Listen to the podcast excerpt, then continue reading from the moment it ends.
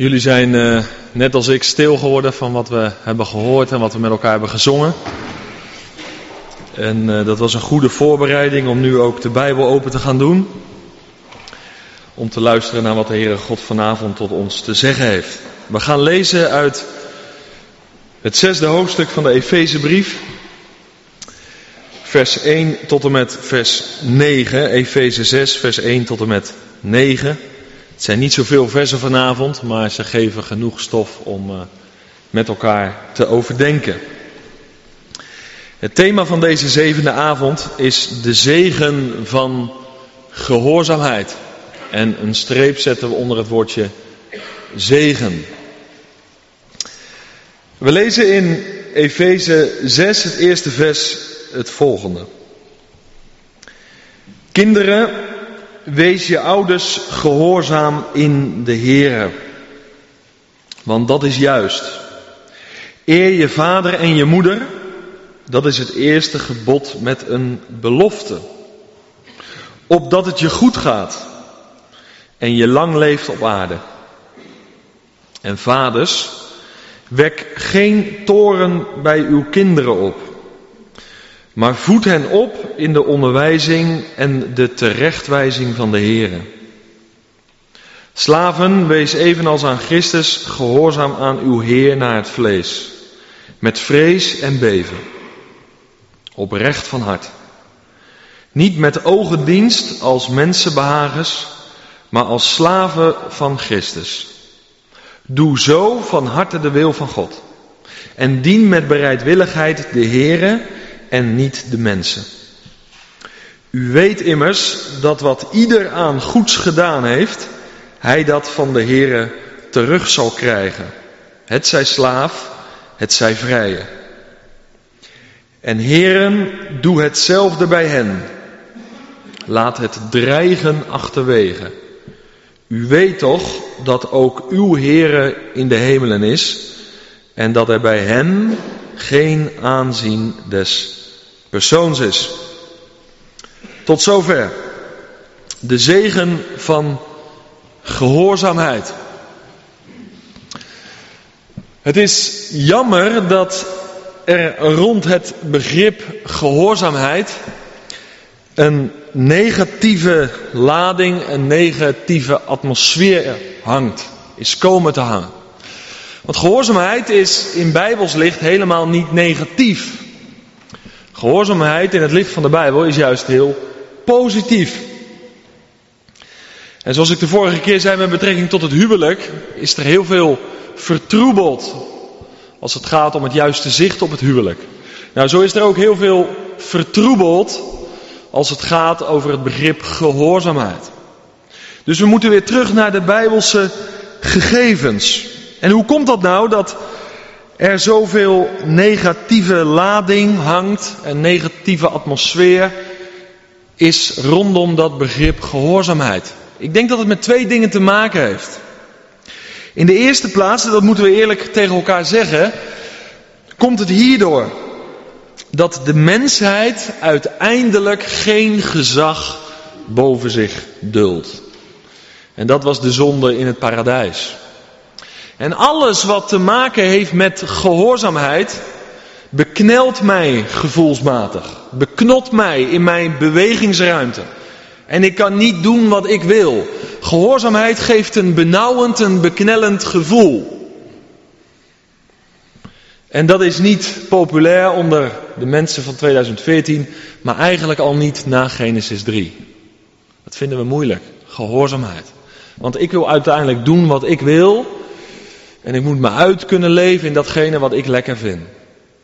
En daar past het woord gehoorzaamheid niet bij. Dat is de eerste reden. En die moeten we eerlijk benoemen, ook vanavond. De tweede reden en dat kom ik ook heel veel tegen in nazorg, in het pastoraat wat ik doe.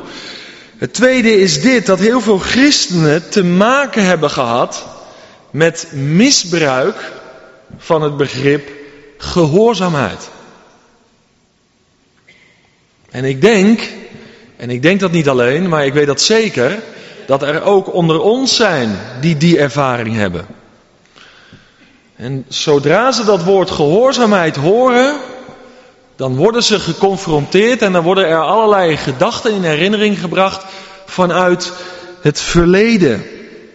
Je denkt misschien aan een vader, je vader, die misbruik maakte van dat begrip gehoorzaamheid. Anderen, die zijn er plat gezegd mee doodgegooid in de kerk op een verkeerde manier. Met het begrip gehoorzaamheid. En weer anderen, die zijn in aanraking gekomen met manipulatief gedrag van mensen rondom het begrip gehoorzaamheid. En als je dat allemaal hebt meegemaakt, dan valt het misschien wel heel zwaar om vanavond iets te horen over gehoorzaamheid. Dan vind je dat heel moeilijk. En dan komen er allerlei hele negatieve gevoelens in jou naar boven. En dat ben ik me bewust. En wat er dan gebeurt, en ik merk dat ook vaak als ik ergens spreek, ik krijg heel veel reactie daarop. En dat heeft vaak te maken met het onderwerp gehoorzaamheid. Dat mensen dat niet goed kunnen handelen. En zodra dat woord gehoorzaamheid valt, als ik het noem met betrekking tot opvoeding, als ik het noem in een bijbelstudie, in een preek, dan haken heel veel mensen vandaag af. En dat is wel jammer. Want ik spreek vanavond over de zegen van gehoorzaamheid. Heel positief. Heel bijbels ook. En waar wij voor moeten waken, en dat wil ik vooraf zeggen, is dit.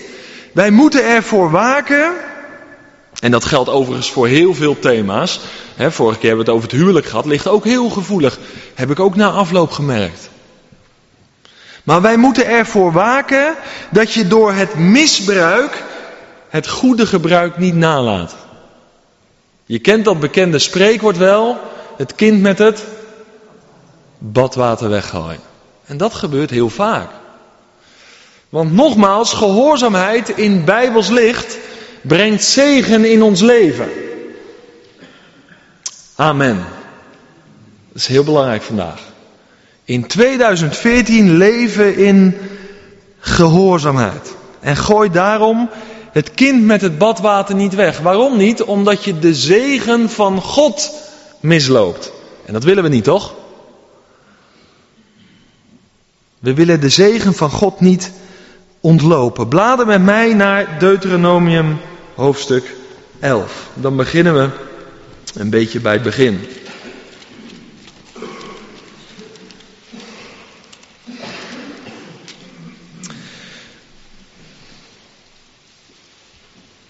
De principes met betrekking tot gehoorzaamheid, die behoren tot het basisonderwijs van heel de Bijbel.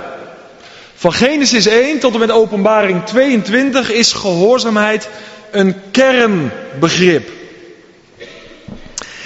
En als dat ergens heel mooi openbaar komt, dan, dan kan je dat vinden in Deuteronomium 11 en dan het 26e vers. Daar lezen we het volgende. Zie, ik houd u heden zegen en vloek voor. De zegen als u luistert naar de geboden van de Heere uw God, die ik u heden gebied. De vloek als u niet luistert naar de geboden van de Heere uw God. En van de weg die ik u heden gebied afwijk om achter andere goden aan te gaan die u niet gekend hebt. Zegen als we leven in gehoorzaamheid. Wie sprak deze woorden? Nou, Mozes sprak deze woorden namens de Heere God. En Mozes was de middelaar van het oude verbond. Het is zo belangrijk dat je het oude en nieuwe verbond heel helder voor jezelf hebt. En nou is er natuurlijk gelijk een kritische luisteraar, een echte bereer. En die zegt, ja Jacques, dat is allemaal mooi wat je nu voorleest. Maar dat is allemaal oude verbond. Daar kunnen wij niks mee, daar hebben wij niks mee. En, en heel veel teksten die oproepen tot gehoorzaamheid komen uit deze gedeelten. En dat is allemaal oude verbond. En Mozes was de middelaar van dat oude verbond. En wij leven onder een nieuw verbond. Wij zijn niet meer onder de wet, maar wij zijn onder de genade. En ik kom bosjes van die mensen vandaag tegen. En dat zijn ook heel veel mensen die mij altijd benaderen. En toch heb je dat niet begrepen. Durf ik op grond van de Bijbel te zeggen. Wil je ook met mij even bladeren naar een gedeelte wat behoort tot het nieuwe verbond? Filippenzen hoofdstuk 2. Want we hebben net geluisterd naar de middelaar van het oude verbond. Nou, ik ga je nu iets laten lezen over de middelaar van het nieuwe verbond. En ook van de gelovigen die leven onder een nieuw verbond. En dat is interessant toch? Want tot die categorie behoren jij en ik. En wat staat daarvan geschreven? Filippenzen, het tweede hoofdstuk. Indrukwekkend. Daar gaat het over de Heer Jezus en wat Hij gedaan heeft. De Heer Jezus, de middelaar van een nieuw verbond. Filippenzen 2, vers 5. Laat daarom die gezindheid in u zijn, die ook in Christus Jezus was. Dat is een oproep. Dat is een opdracht. Niet vrijblijvend, maar dat is een oproep aan jou, aan mijn adres, die leven onder een nieuw verbond. De Heer Jezus, die, hoewel hij in de gestalte van God was, het niet als roof beschouwd heeft aan God gelijk te zijn, maar zichzelf heeft ontledigd door de gestalte van een slaaf aan te nemen en aan de mensen gelijk te worden. En in de gedaante als een mens bevonden, heeft hij zichzelf vernederd. En is gehoorzaam geworden. Tot de dood, ja, de dood van het kruis. De kruisdood. Onze heiland, onze verlosser, onze zaligmaker, de koning der koningen en de heren der heren. Hij is gehoorzaam geweest. En wat zegt Paulus dan verderop in vers 12? Eén bladzijde verder. Daarom, wil je er even een streep onder zetten? Daarom, mijn geliefden, zoals u altijd gehoorzaam geweest bent. Niet alleen zoals in mijn aanwezigheid, maar nu veel meer in mijn afwezigheid. Kijk, mensen wilden misschien nog wel in de aanwezigheid van Paulus gehoorzaam zijn om mensen te behagen. Maar die gemeente daar in Filippi, die was ook gehoorzaam in de tijd dat Paulus er niet was. Wat een zegen, als dat voor je gemeente gezegd kan worden. Dan hebben ze het echt voor de Heer gedaan en niet voor Paulus. Of die nou aanwezig was, of dat hij afwezig was, ze leefden in gehoorzaamheid. En hij zegt het, werk aan uw eigen zaligheid met vrees en beven. Want het is God die in u werkt, zowel het willen als het werken, naar zijn welbehagen. Twee plaatjes, ik kan er maar kort over zijn. Oude verbond, Mozes de middelaar van een oud verbond. tweede plaatje, nieuwe verbond. Onder leiding van de middelaar van een nieuwe verbond, Heer Jezus Christus. En in beide verbonden zie ik gehoorzaamheid terugkomen. Dat klopt ook. Want de God van het oude verbond is dezelfde als die van het nieuwe verbond. Het is exact dezelfde God en hij werkt met dezelfde principes. En ik besef het, en het is waar, onder het oude verbond waren de zegeningen vooral van materiële aard. Amen, zeker. Onder het nieuwe verbond ligt de nadruk veel meer op de geestelijke zegeningen. Dat ben ik van harte met je eens. Maar de opdracht tot gehoorzaamheid blijft staan. Want God wil gediend worden, niet half, maar toegewijd, totaal en radicaal. En hij vraagt van ons gehoorzaamheid. En hij heeft gehoorzaamheid laten zien in de zending van zijn zoon. Vader, hier ben ik om uw wil te doen. Is dat mooi of niet? Dan leeft dat verlangen nou in je. Om in alle facetten te zijn zoals Jezus. Daar gaat het om. En een van die aspecten, een van die facetten is dat ik wil doen de wil van mijn hemelse Vader. Daarin ligt mijn blijdschap, toch? En ik vergeet het nooit meer. Annette en ik kwamen in een fase in ons leven dat wij worstelden met de doop. En toen zei ik tegen haar, ik wil dat alleen doen als ik weet welke geweldige zegeningen er daarna gaan komen. Ik wil iets spectaculairs gaan beleven. Dat echt verschillend zal zijn, mijn situatie na die doop als voor die doop. En ik zocht naar iets wat ik eigenlijk ook niet wist. Maar het moest in ieder geval bijzonder zijn. En toen zei Annette heel nuchter, en dat heeft mij over de streep getrokken. Weet je waar mijn vreugde in bestaat? Niet in allerlei spectaculaire toestanden, maar om te doen de wil van mijn hemelse Vader. Daarin ligt mijn vreugde. En als ik dat heb, dan heb ik alles. Dat is het. Wandelen in de wil van je hemelse Vader. Dat is de zegen. Dat geeft innerlijk blijdschap. Dat geeft innerlijk vreugde. En in die weg moeten we elkaar stimuleren te gaan. Want daar ligt de zegen. Door uw wil te doen, leer ik om vrij te zijn. Te midden van een wereld, kerkelijk of onkerkelijk, die grotendeels gebonden is. Maar door de wil van God te doen, worden we echte, vrije mensen. De zegen van gehoorzaamheid. Ik hoef er eigenlijk niet zoveel meer van te zeggen, toch? Het is een zegen. Het is een vreugde om in de weg van de Heer te gaan. En hoe komt dat dan? Hè? Hoe komt dat dan? Dat zoveel christenen vandaag moeite hebben. Oh nee, niet, niet zozeer met het aanvaarden van de Heer Jezus als hun persoonlijke Heer en Heiland, dat niet. Maar om dan ook gehoorzaam te zijn en te leven vanuit zijn principes. Weet je hoe dat komt? En ik heb dat tijdens de Romeinenstudie al eerder uitgelegd en ik ga het toch vanavond zeggen, omdat het zo diep in onze renen zit. Dat komt omdat wij Grieks zijn gaan denken. En daarom kunnen wij geloven en gehoorzamen niet bij elkaar houden. We zijn Grieks gaan denken en Grieks gaan handelen. Maar besef dit, de Bijbel is een Joods boek, is een Hebreeuws boek. En het probleem is dat de christenen vandaag besmet zijn met het Griekse denken. Wat is het verschil? Dit is het verschil. Het kenmerk van het Hebreeuwse denken is dit. Luister goed. In het Hebreeuwse denken gaat het altijd om het horen en het doen van de wil, het woord van God.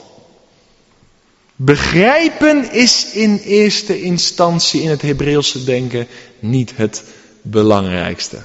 Ik zal hem herhalen, want dit is heel fundamenteel.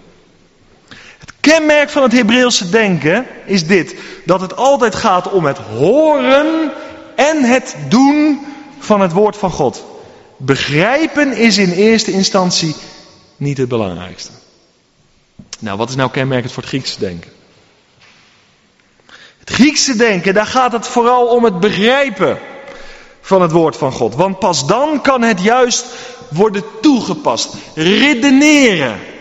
Eindeloos, vooral mannen. En ik heb zo ook in elkaar gezeten.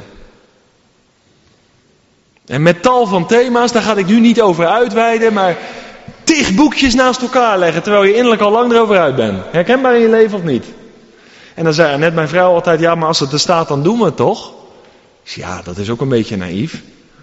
Nee, dat is gelovig de weg van de Heer gaan.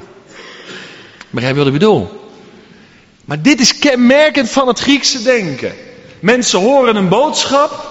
Misschien behoor jij wat tot die categorie. En je gaat naar huis en je zegt, nou ja, het was wel aardig wat hij zei vanavond. Een beetje overdreven. Altijd een beetje te extreem, maar goed, dat moet je wat relativeren. Maar het komt niet in beweging in je leven. Je bent alleen maar aan het redeneren. Maar hoe kom je nou vrij? Dat is als je dingen gaat doorbreken in je denken. En in je handel en in je wandel. Door u wil te doen, leer ik om vrij te zijn. Daar gaat het om. Er moet een stap gezet worden in je leven. Dat dat wat God geopenbaard heeft in je denken, gestalte krijgt in de praktijk van je leven. Dat is gehoorzaamheid. En dat geeft strijd, daar kan ik heel veel van vertellen. En toch die innerlijke blijdschap, waarom? Als ik leef naar het woord van God, dan heb ik God aan mijn zijde. No turning back. En waar gaan wij voor in ons leven? Voor de instemming van mensen of voor de instemming van God? Voor instemming van mensen waarmee ik misschien 30, 40, 60 en als ik 80 jaar leef, word, misschien 80 jaar leef? Of wil ik de instemming van Hem, die mijn schepper en herschepper is? Met wie ik in eeuwigheid zal vertoeven. Ik wil de instemming van Hem vandaag over mijn leven. En dat geeft mij vreugde. En dat verlost me van mensen overlast. Het is zo belangrijk, gehoorzaamheid. En ik wil dat toch echt onderstrepen. Horen en gehoorzamen is vanuit de Bijbel, vanuit het Joods-Hebreeuwse denken, vanuit die context één en hetzelfde. Horen Israël en ze moesten zo gaan handelen. En onder het nieuwe verbond is het niet anders. Zij zijn mijn broeder en zuster die daar doen de wil van mijn hemelse vader, zei Jezus. Het komt aan op het doen. En het is veel makkelijker om te redeneren over theologie dan om de Bijbelse principes in praktijk te gaan brengen. Waarom? Als je dat gaat doen, moet je jezelf gaan verloochenen. Kijk, en redeneren, dat kan je doen in je luie vertel met een dikke sigaar en misschien nog een borrel erbij. Maar gehoorzaamheid, dat kost je zelf. En daar zijn we niet aan toe. Of dat willen we liever niet. En daar ging het Heer Jezus nou om. Wie achter mij wil komen, die verloochenen zichzelf. En die nemen zijn kruis op en die volgen mij. En ik geloof, ik ben geen profeet, maar ik geloof dat we in een tijd leven dat we hier steeds meer naartoe gaan. Dat wat heilig is, wordt heiliger. En dat wat onheilig is, wordt onheiliger. En God gaat mensen bij elkaar brengen die deze weg willen gaan. De weg van de meester. De weg van zelfverloochening. En mijn vraag vanavond is, ben je bereid om die weg te gaan? Want in de weg van gehoorzaamheid ligt de zegen. En we moeten op dat punt gaan komen in ons leven dat we zeggen, ik heb alles ervoor over om een heiland te volgen. Al blijf ik dan alleen over, ik kijk niet achterom. Misschien vind je het wel eng als ik aan het einde van de avond vraag, we gaan nu allemaal op de knieën. En nu mag je allemaal je uitspreken naar de Heere God, dat we dit besluit gaan nemen. Dat we deze weg willen gaan. We moeten keuzes maken. En stoppen met redeneren. Maar gaan doen de wil van onze hemelse Vader. Je zal zeggen, je zou Efeze 6 toch uit gaan leggen. Dit is Efeze 6. Het gaat hier over gehoorzaamheid. Ongehoorzaamheid, en dan kom ik steeds meer tot het tekstgedeelte. Ongehoorzaamheid, dat is ten diepste dat je je niet wil onderwerpen aan het bevoegde gezag. En vul voor bevoegd gezag maar allerlei gezag in. Ongehoorzaamheid is een teken van verwording van een maatschappij. En Paulus schrijft aan Timotheus, het is een teken van de laatste dagen. Voor de schrijvers 2 Timotheus 3, vers 1 en 2. Ongehoorzaamheid, een teken dat de Heer Jezus spoedig komt. Nou, je hoeft niet te gestudeerd te hebben om dit om je heen te zien. Het gebeurt om je heen. Het is een teken van de eindtijd. En wat is dan van belang? Dat gold vorige keer ten aanzien van het huwelijk. Het is van belang dat we teruggaan naar het Bijbelse model. De Bijbelse principes, ook wat betreft gehoorzaamheid. En voordat ik verder ga, is het belangrijk om vast te stellen wie het gezag heeft ingesteld en wie oproept tot gehoorzaamheid. Dat is belangrijk toch? Wie heeft het gezag ingesteld en wie roept op tot gehoorzaamheid? Kijk, als ik dat nou ben, nou, daar kan je over redeneren, dat mag wel. Daar mag je over denken wat je wil. Maar wie roept op tot gehoorzaamheid? Dat is niemand minder dan onze schepper. De schepper van hemel en aarde. De hemelse architect en kunstenaar, die tevens onze herschepper is. Hij roept op tot gehoorzaamheid. En hij heeft gekozen om deze wereld ook door gezag te ordenen en te besturen. En dat niet om ons te benauwen of te beknellen, maar zoals Efeze 6, het derde vers zegt, opdat het u wel gaat. Mooi is dat, hè? Gezag en gehoorzaamheid. Opdat het u wel gaat. En dat moet je gaan ontdekken. Zo mooi. Ik heb het eerder gezegd. Maar weet je, de wet werd aan Israël gegeven niet toen ze nog in Egypte zaten hoor. De wet is gegeven aan een verlost volk. Is dat mooi of niet? Verlost volk. Opdat het ze wel zou gaan. God openbaarde zijn vaderhart. En als je nou hierin wandelt, dan gaat het je goed joh. Stop mijn eer, stop jouw welzijn. En ik bedoel het niet oneerbiedig, maar dat waren twee vliegen in één klap. Het is zo eenvoudig. Maar hoe komt het dat we er maar niet mee uit de voeten kunnen? Er moet een moment komen dat we het gaan aanvaarden. Het is goed, heren.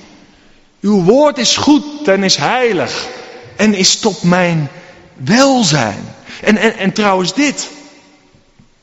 Is er naast de Heere God iemand in de hemel en op de aarde die beter weet hoe een mens in elkaar zit en wat hij nodig heeft dan hij?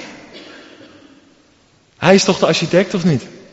Hij is toch de bouwmeester? Hij is toch de kunstenaar? Hij is toch de schepper? Hij is toch onze herschepper? Dan wil ik me heel graag aan hem onderwerpen. Want hij heeft mij gemaakt. Ik ben een beetje eigenwijs van mezelf. Maar als ik een nieuwe stereotoren koop, dan kijk ik liever niet in het boekje hoe het moet.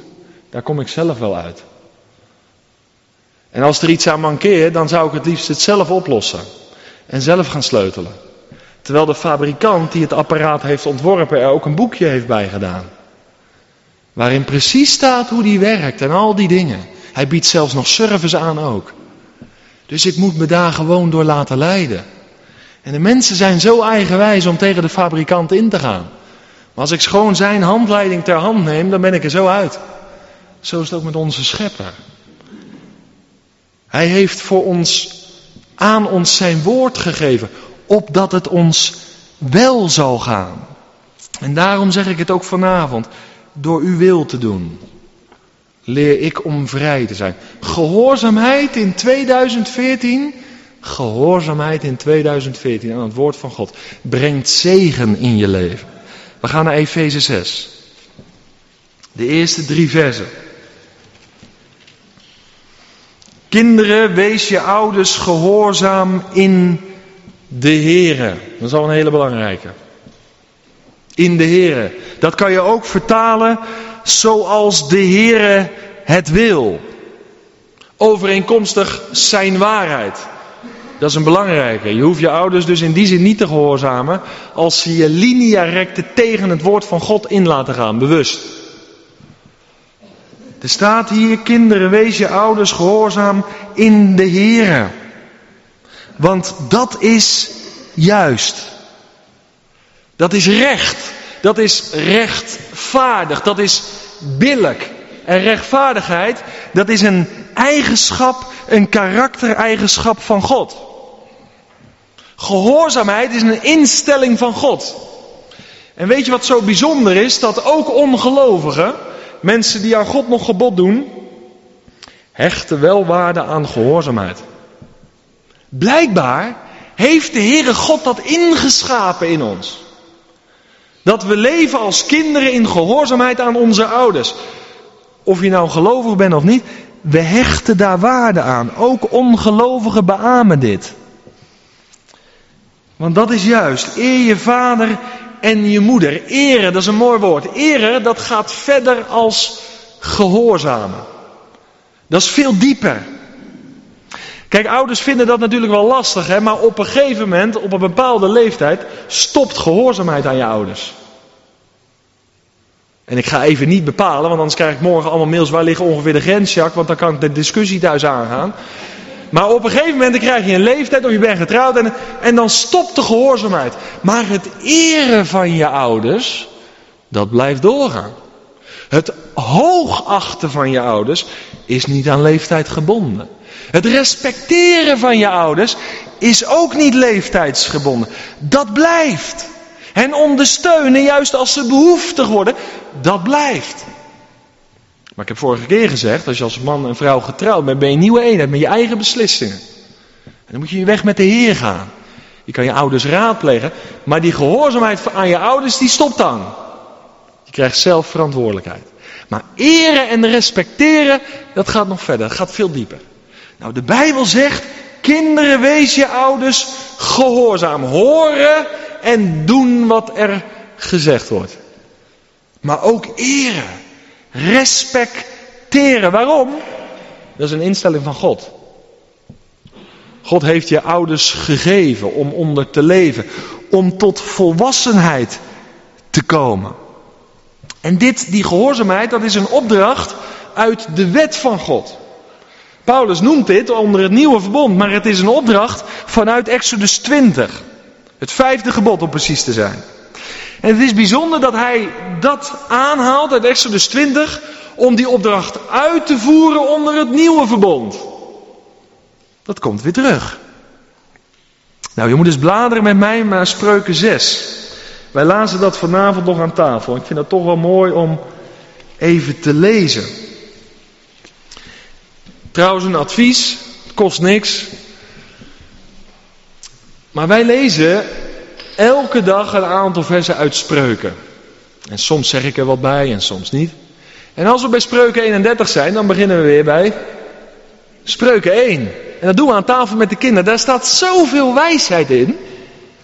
En weet je, wij moeten gevormd worden in ons denken, vernield worden in ons denken. Dus wij moeten onze kinderen vullen met de waarheid van het woord van God. Want de Bijbel zegt dat de waarheid hen vrij zal maken. Daar geloof ik in, in dat principe. Dus het is heel goed om je kinderen lappen tekst te laten leren. Om dit soort dingen met hen door te nemen, zodat de bijbelse wijsheid binnenkomt in hun denken. En hun denken door de wijsheid, en dat is in de allereerste plaats een persoon, wordt vernield. Nou, Spreuken 6 zegt daar iets van vers 20. Mijn zoon, ik heb er drie, dus dat is voor mij erg toepasselijk, maar je mag er ook dochter in vullen. Neem het gebod van je vader in acht. Zulke mooie, kostbare dingen. En veronachtzaam het onderricht van je moeder niet. Bind ze voortdurend op je hart. Hang ze om je hals. Als je op weg gaat, zal het je leiden. Als je neerligt, over je waken. Als je ontwaakt, zal dat tot je spreken. Ik ga veel te snel.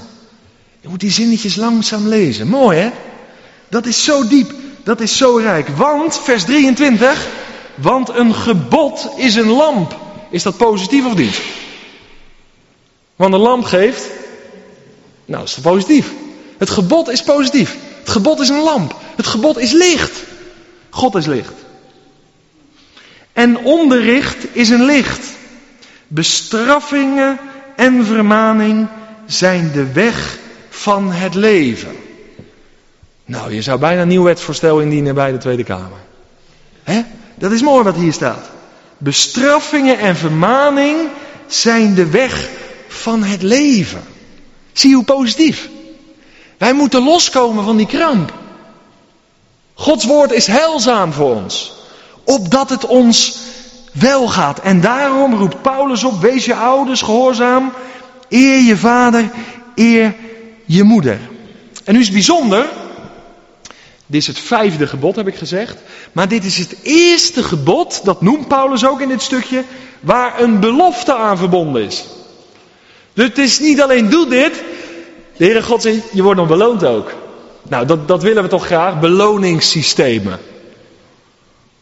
Nou, ik had het nog even met mijn vrouw over vandaag. Ze vond dat niet echt heel goed voor de kinderen, maar daar wordt verschillend over gedacht. Beloningssysteem. Er moet gewoon gehoorzaamheid zijn, ongeacht de beloning.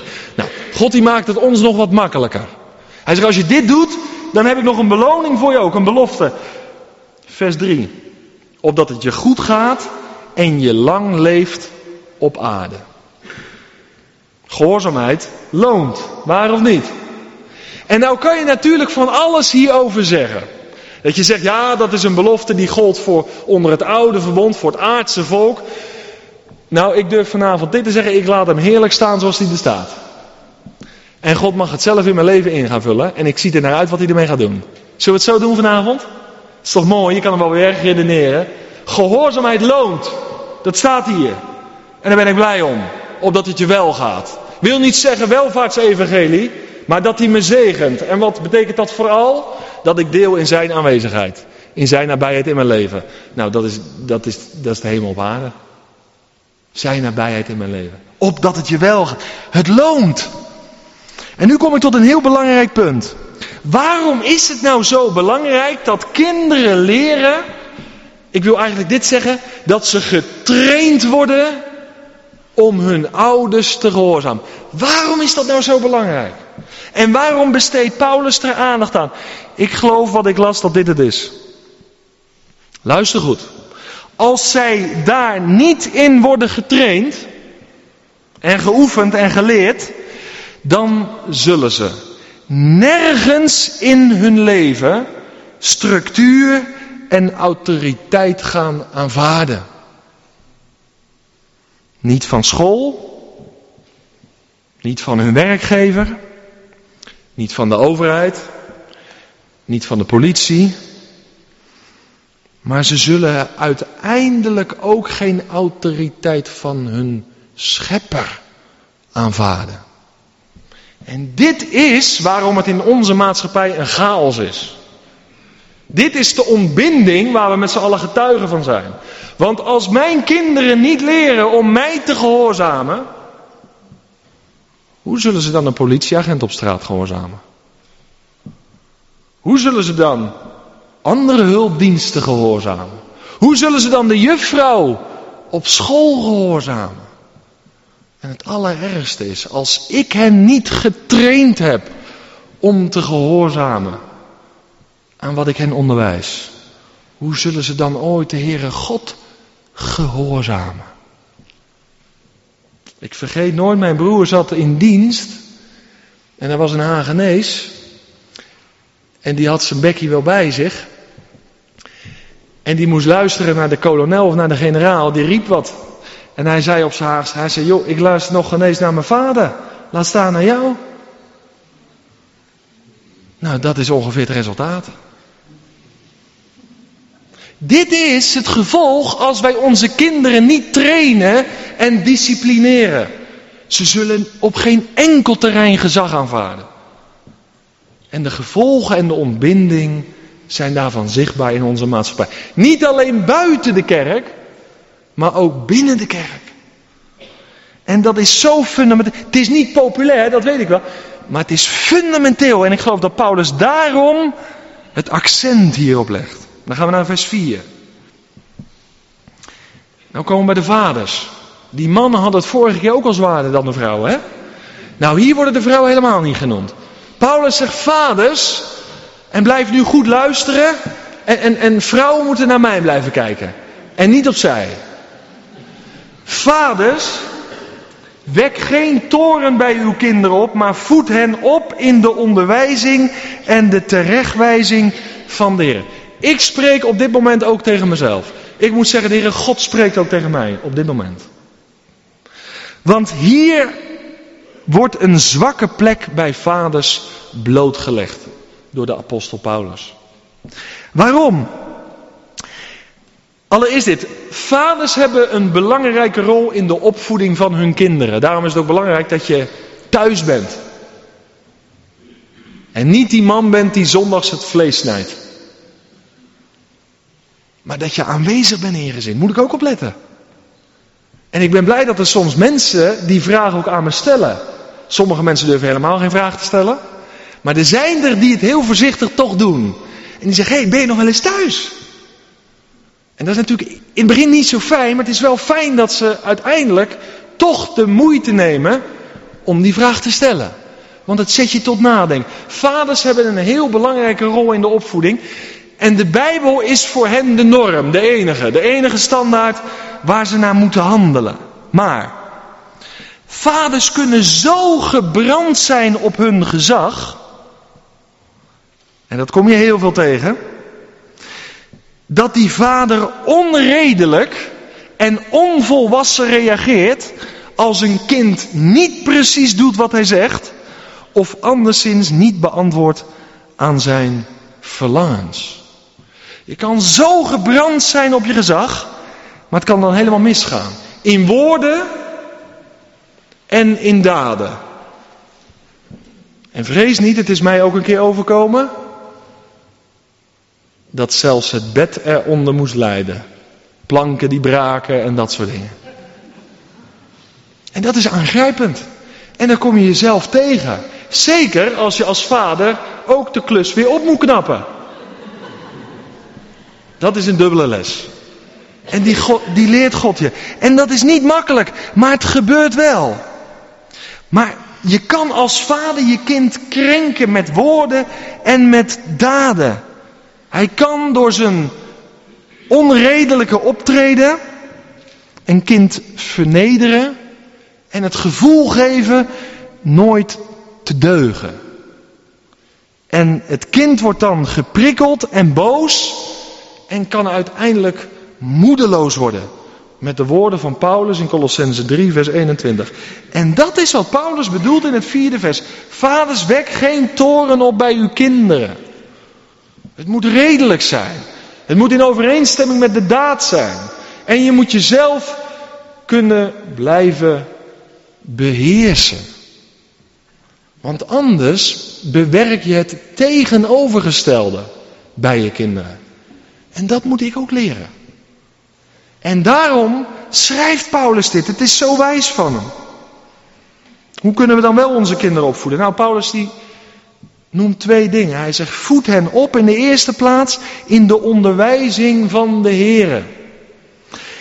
En dat is een gevoelig onderwerp vandaag. Ik moet voorzichtig zijn met wat ik zeg. Die onderwijzing van de Here, dat heeft alles te maken met de tuchtiging van je kinderen. Dat hoort er helemaal bij. Ook in 2014, ook in 2014. En voor details mag je me mailen. Maar dit is wat hij zegt. Het heeft daar alles mee te maken. Spreuken 3 vers 12 zegt, want de Heer straft wie hij lief heeft. Zoals een vader doet met de zoon die hij goed gezind is. Dat is een werk van de Heer.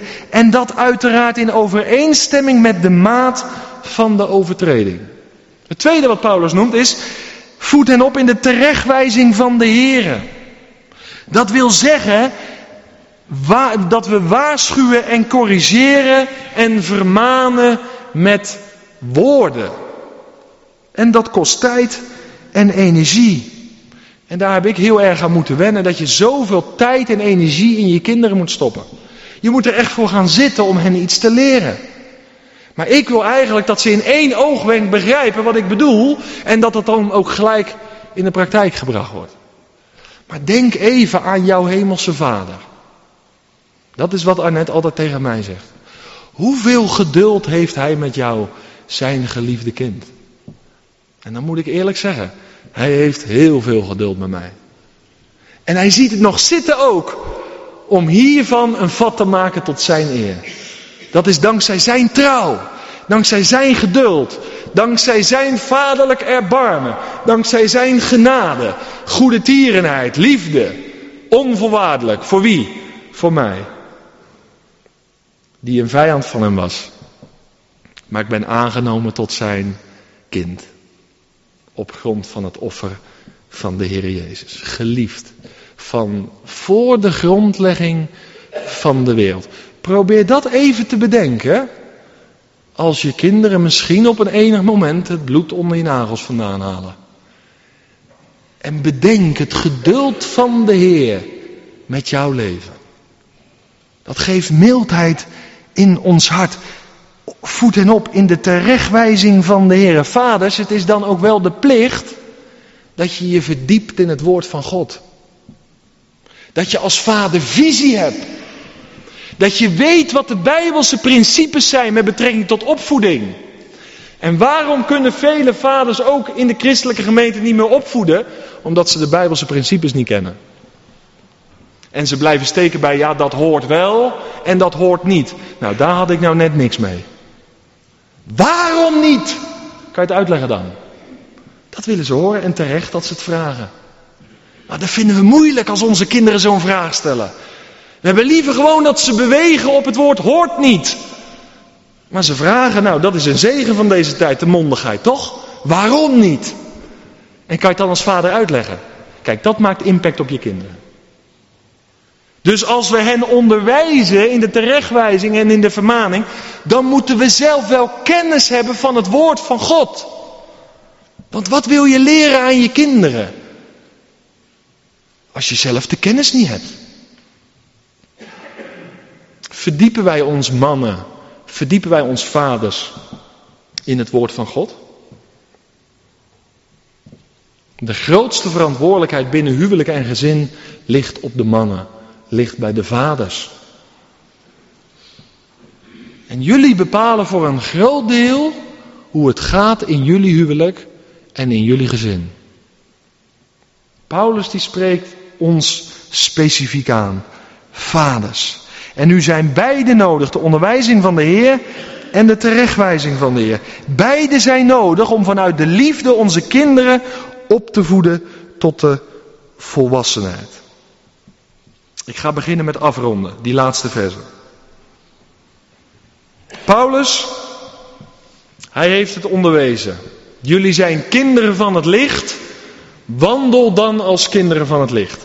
En hij heeft eigenlijk drie groepen genoemd waarin, dat, waarin die wandel in het licht naar voren kan komen. Waarin je je licht kan laten schijnen. Hij heeft het gehad over de gemeente. Daar kan je je licht laten schijnen. Daar kan je wandelen als een kind van het licht. Getuigen zijn van de Heer Jezus in woorden en in daden. De tweede groep, dan heeft hij het over het huwelijk en het gezin. Wandel binnen de kaders van huwelijk en gezin als een kind van het licht. De tweede groep. En nu komt hij bij de derde groep. En dan gaat het over het wandelen in het licht op de werkvloer. Vanaf je werkplek. Het gaat hier over slaven en over heer. In dat laatste stukje, vers 5 tot en met 9. Volgeling van Jezus zijn in je dagelijkse werk. Zie je die kringen? De gemeente, huwelijk en gezin, maar ook in het geheel van de maatschappij. Op je werkplek. Een kind van het licht zijn, in positie en wandelen als een kind van het licht in je conditie. Daar gaat het om. Dat je echt licht verspreidt. Nou, Paulus die beschrijft in vers 5 tot en met 9 die situatie. Hij spreekt over slaven en heren. Nou, laat ik vandaag, we hebben gelukkig, althans niet in deze context, is er in ons land sprake van slavernij. Eh, er is genoeg vorm van slavernij, maar, maar deze niet. Maar laat ik het even overzetten naar werknemer en werkgever. Dan is het al een stuk duidelijker. Paulus onderwees destijds de plaats die de slaaf mocht innemen, moest innemen. En hij onderwees de positie die zijn heer moest innemen. En dat ze beide godvruchtig konden leven. Nou, je kan vandaag, al is hier geen sprake van slavernij meer, maar als werknemer en als werkgever een godvruchtig leven leiden. Je kan beide wandelen als een kind van het licht. En voor die uitdaging staan we. Want weet je, vandaag lezen heel weinig mensen nog de Bijbel. En misschien ben jij wel een wandelende Bijbel, dat hoop ik althans. En ben jij misschien dat enige lichtje, of misschien ben jij die enige bouwlamp, vul het voor jezelf maar in, die mensen nog tegenkomen vandaag. De Bijbel gaat in de ongelovige, onkerkelijke wereld niet meer open, maar ook steeds minder in de kerkelijke wereld helaas. Nou willen we licht geven, dan zullen we verbonden moeten zijn aan onze energiebron. Het woord van God, wandelen door de kracht van de Heilige Geest. Dan kan je als werkgever en als werknemer het verschil maken in een duistere wereld. En die roeping hebben we. Binnen huwelijk en gezin, binnen de gemeente en binnen de bredere verbanden in het geheel van de maatschappij. We hebben een hoge roeping. Nou, en dat onderwijst Paulus hier? Op de werkvloer je licht laten schijnen en wandelen als een kind van het licht. Wat zegt hij tegen de werknemers? De slaven, om het zo te zeggen. Wees evenals aan Christus gehoorzaam aan uw Heer naar het vlees, met vrees en beven. Hey, komt de gehoorzaamheid weer openbaar. En ik weet de gevallen van een hele lastige, moeilijke en soms zelfs irritante werkgever. Ik geloof dat de enige manier waarop jij hem zou kunnen winnen, als dat je verlangen is, is door te wandelen als een kind van het licht. Paulus die zegt hier, wees gehoorzaam. Met vrees en beven, met eerbied en heb respect voor hem. Wees eerst en vooral oprecht in het uitoefenen van je werk. En je bent niet in de eerste plaats aangenomen bij een stratenmakersbedrijf om evangelist te zijn. Maar je bent in de eerste plaats aangenomen om stratenmaker te zijn. En daar mag je vreugde in hebben om dat te doen. En ik heb daar moeite mee gehad. Hoe moet ik dat nou invullen? Maar je mag genieten van het vak wat je uitoefent. En daar ben je in de allereerste plaats voor aangenomen. Maar al werkende, al wandelende, gaat er iets van je uit. En dat komt openbaar in je gehoorzaamheid, in het eerbied en respect wat je hebt voor je werkgever. En vooral in je oprechtheid. Kijk, en dan noemt Paulus een heel bijzonder woord. Hij heeft het over ogendienst als mensenbehagers. En het is belangrijk dat je trouw bent in je werk vandaag. Als de werkgever in je omgeving is. Of dat die niet in je omgeving is. Want als je alleen trouw bent en oprecht bent als die erbij is. Dan ben je mensen aan behagen. Maar je moet voor je werkgever zo leven als dat je voor God zelf leeft. Dus denk er goed over na, hoeveel zit je op de social media tijdens je werkuren? Ja, dat gaat te ver joh. Nee, dit is het. Dit is het. Dan ben je oprecht. Dan ben je een licht. Dan ben je wandelend in de weg van gehoorzaamheid. Die kleine dingen. Paulus zegt, als je het alleen doet als die erbij is, dan ben je een mensenwagen. Maar door de wil te doen van God, heb ik hier neergezet, doe je je aardse en je hemelse Heer een genoegen. Je aardse en je hemelse eer. Het gaat om de heerlijkheid van God. En ook hieraan voegt Paulus een beloning toe.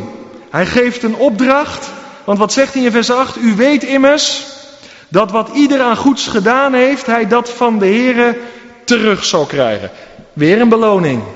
Gehoorzaamheid geeft zegen, waar of niet? Is het niet hier dan straks? Dat is toch geweldig vooruitzicht? Ik leef niet in de eerste plaats om hier beloning te krijgen. Want of ik het nu wel krijg of dat ik het niet krijg, ik wil in de weg van de Heer zijn. Amen? Daar gaat het om. En beloning krijg ik sowieso wel. Want straks breekt het rijk van vrede en gerechtigheid aan. En wat is mijn verlangen? Dat mijn Heer en Heiland dan zal zeggen. Wel, gij goede en getrouwe dienstknecht. Is dat het getuigenis over je leven? Is dat Efeze 6? Dat is Efeze 6. Wandel als een kind van het licht. Ook op je werkplek. Wel, gij goede en getrouwe dienstknecht. Ik wil voor opgaan. Ik wil voor dat getuigenis gaan leven. Ik wil die instemming gaan krijgen. Daar leef ik voor. Dat is mijn doel, dat is mijn focus. Over weinig ben je getrouw geweest. En ik ga je over veel stellen. Die beloning, daar komt het wel goed mee. Het gaat erom dat we vandaag trouw zijn. En leven in gehoorzaamheid aan de Heer. En dan als laatste de werkgevers. Nou, daar geldt eigenlijk hetzelfde voor. Paulus die somt dat op in het laatste vers. En hij zegt tegen de werkgevers, wees oprecht. Wees respectvol. Heb eerbied voor je werknemers. Want hij zegt tegen ze, en heren, doe hetzelfde bij hen. Doe hetzelfde bij je slaven. Werkgevers, behandel je werknemers zoals zij jou behandelen. Een wederkerigheid. Je hebt wel gezag ontvangen, maar eer, heb eerbied voor ze. Heb respect voor ze. Hij zegt ook, misbruik je gezag niet. Mooi hè? Laat dreigen achterwege. Schiet niet zomaar uit je slof, maar beheers jezelf. Omdat je de Heilige Geest hebt ontvangen. En één aspect van de vrucht van de Geest is zelfbeheersing. Oeh, dan ben je misschien directeur van een timmerbedrijf. En dan heeft je werknemer van de tien hardhouten kozijnen die hij moest maken, ze alle tien verknald. Want ze zijn op alle hoeken een centimeter tekort. En om dan in de gezindheid van de Heer Jezus op hem af te stappen. Wat een genade is dat, hè? Maar ik geloof dat je dan verschil gaat maken op de werkvloer. Je bent echt een kind van het licht. Niet alleen in positie, maar u bent het ook in conditie. Hoe komt u daar aan?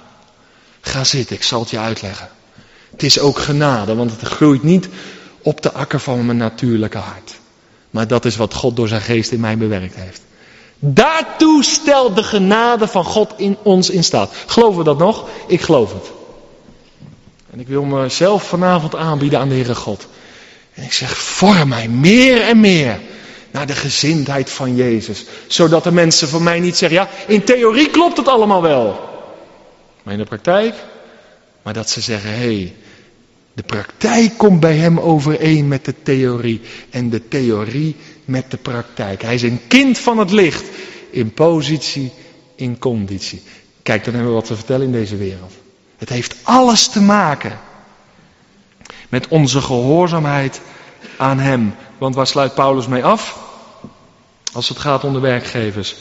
Er is bij God ook geen aanzien des persoons. Zou jij het als aardse werkgever dan wel hebben? Dat je de ene voortrekt ten opzichte van het ander, dat is een teken van de duisternis. Maar wees zoals je hemelse vader. Broeders en zusters, ik heb het samengevat. Als wij leven in gehoorzaamheid en onze door God voorbestemde positie innemen, in onze gemeente, in onze huwelijken, in onze gezinnen, maar ook in het geheel van het staan in deze maatschappij, dan zal de zegen van God ons deel zijn. Ik ga hem herhalen. Ter afsluiting, als wij leven vandaag onder een nieuw verbond in gehoorzaamheid aan onze God en onze door God voorbestemde positie innemen in onze gemeente, in onze huwelijken en in onze gezinnen, maar ook in het geheel van de maatschappij, dan zal de zegen van de Heer ons deel zijn. Gehoorzaamheid.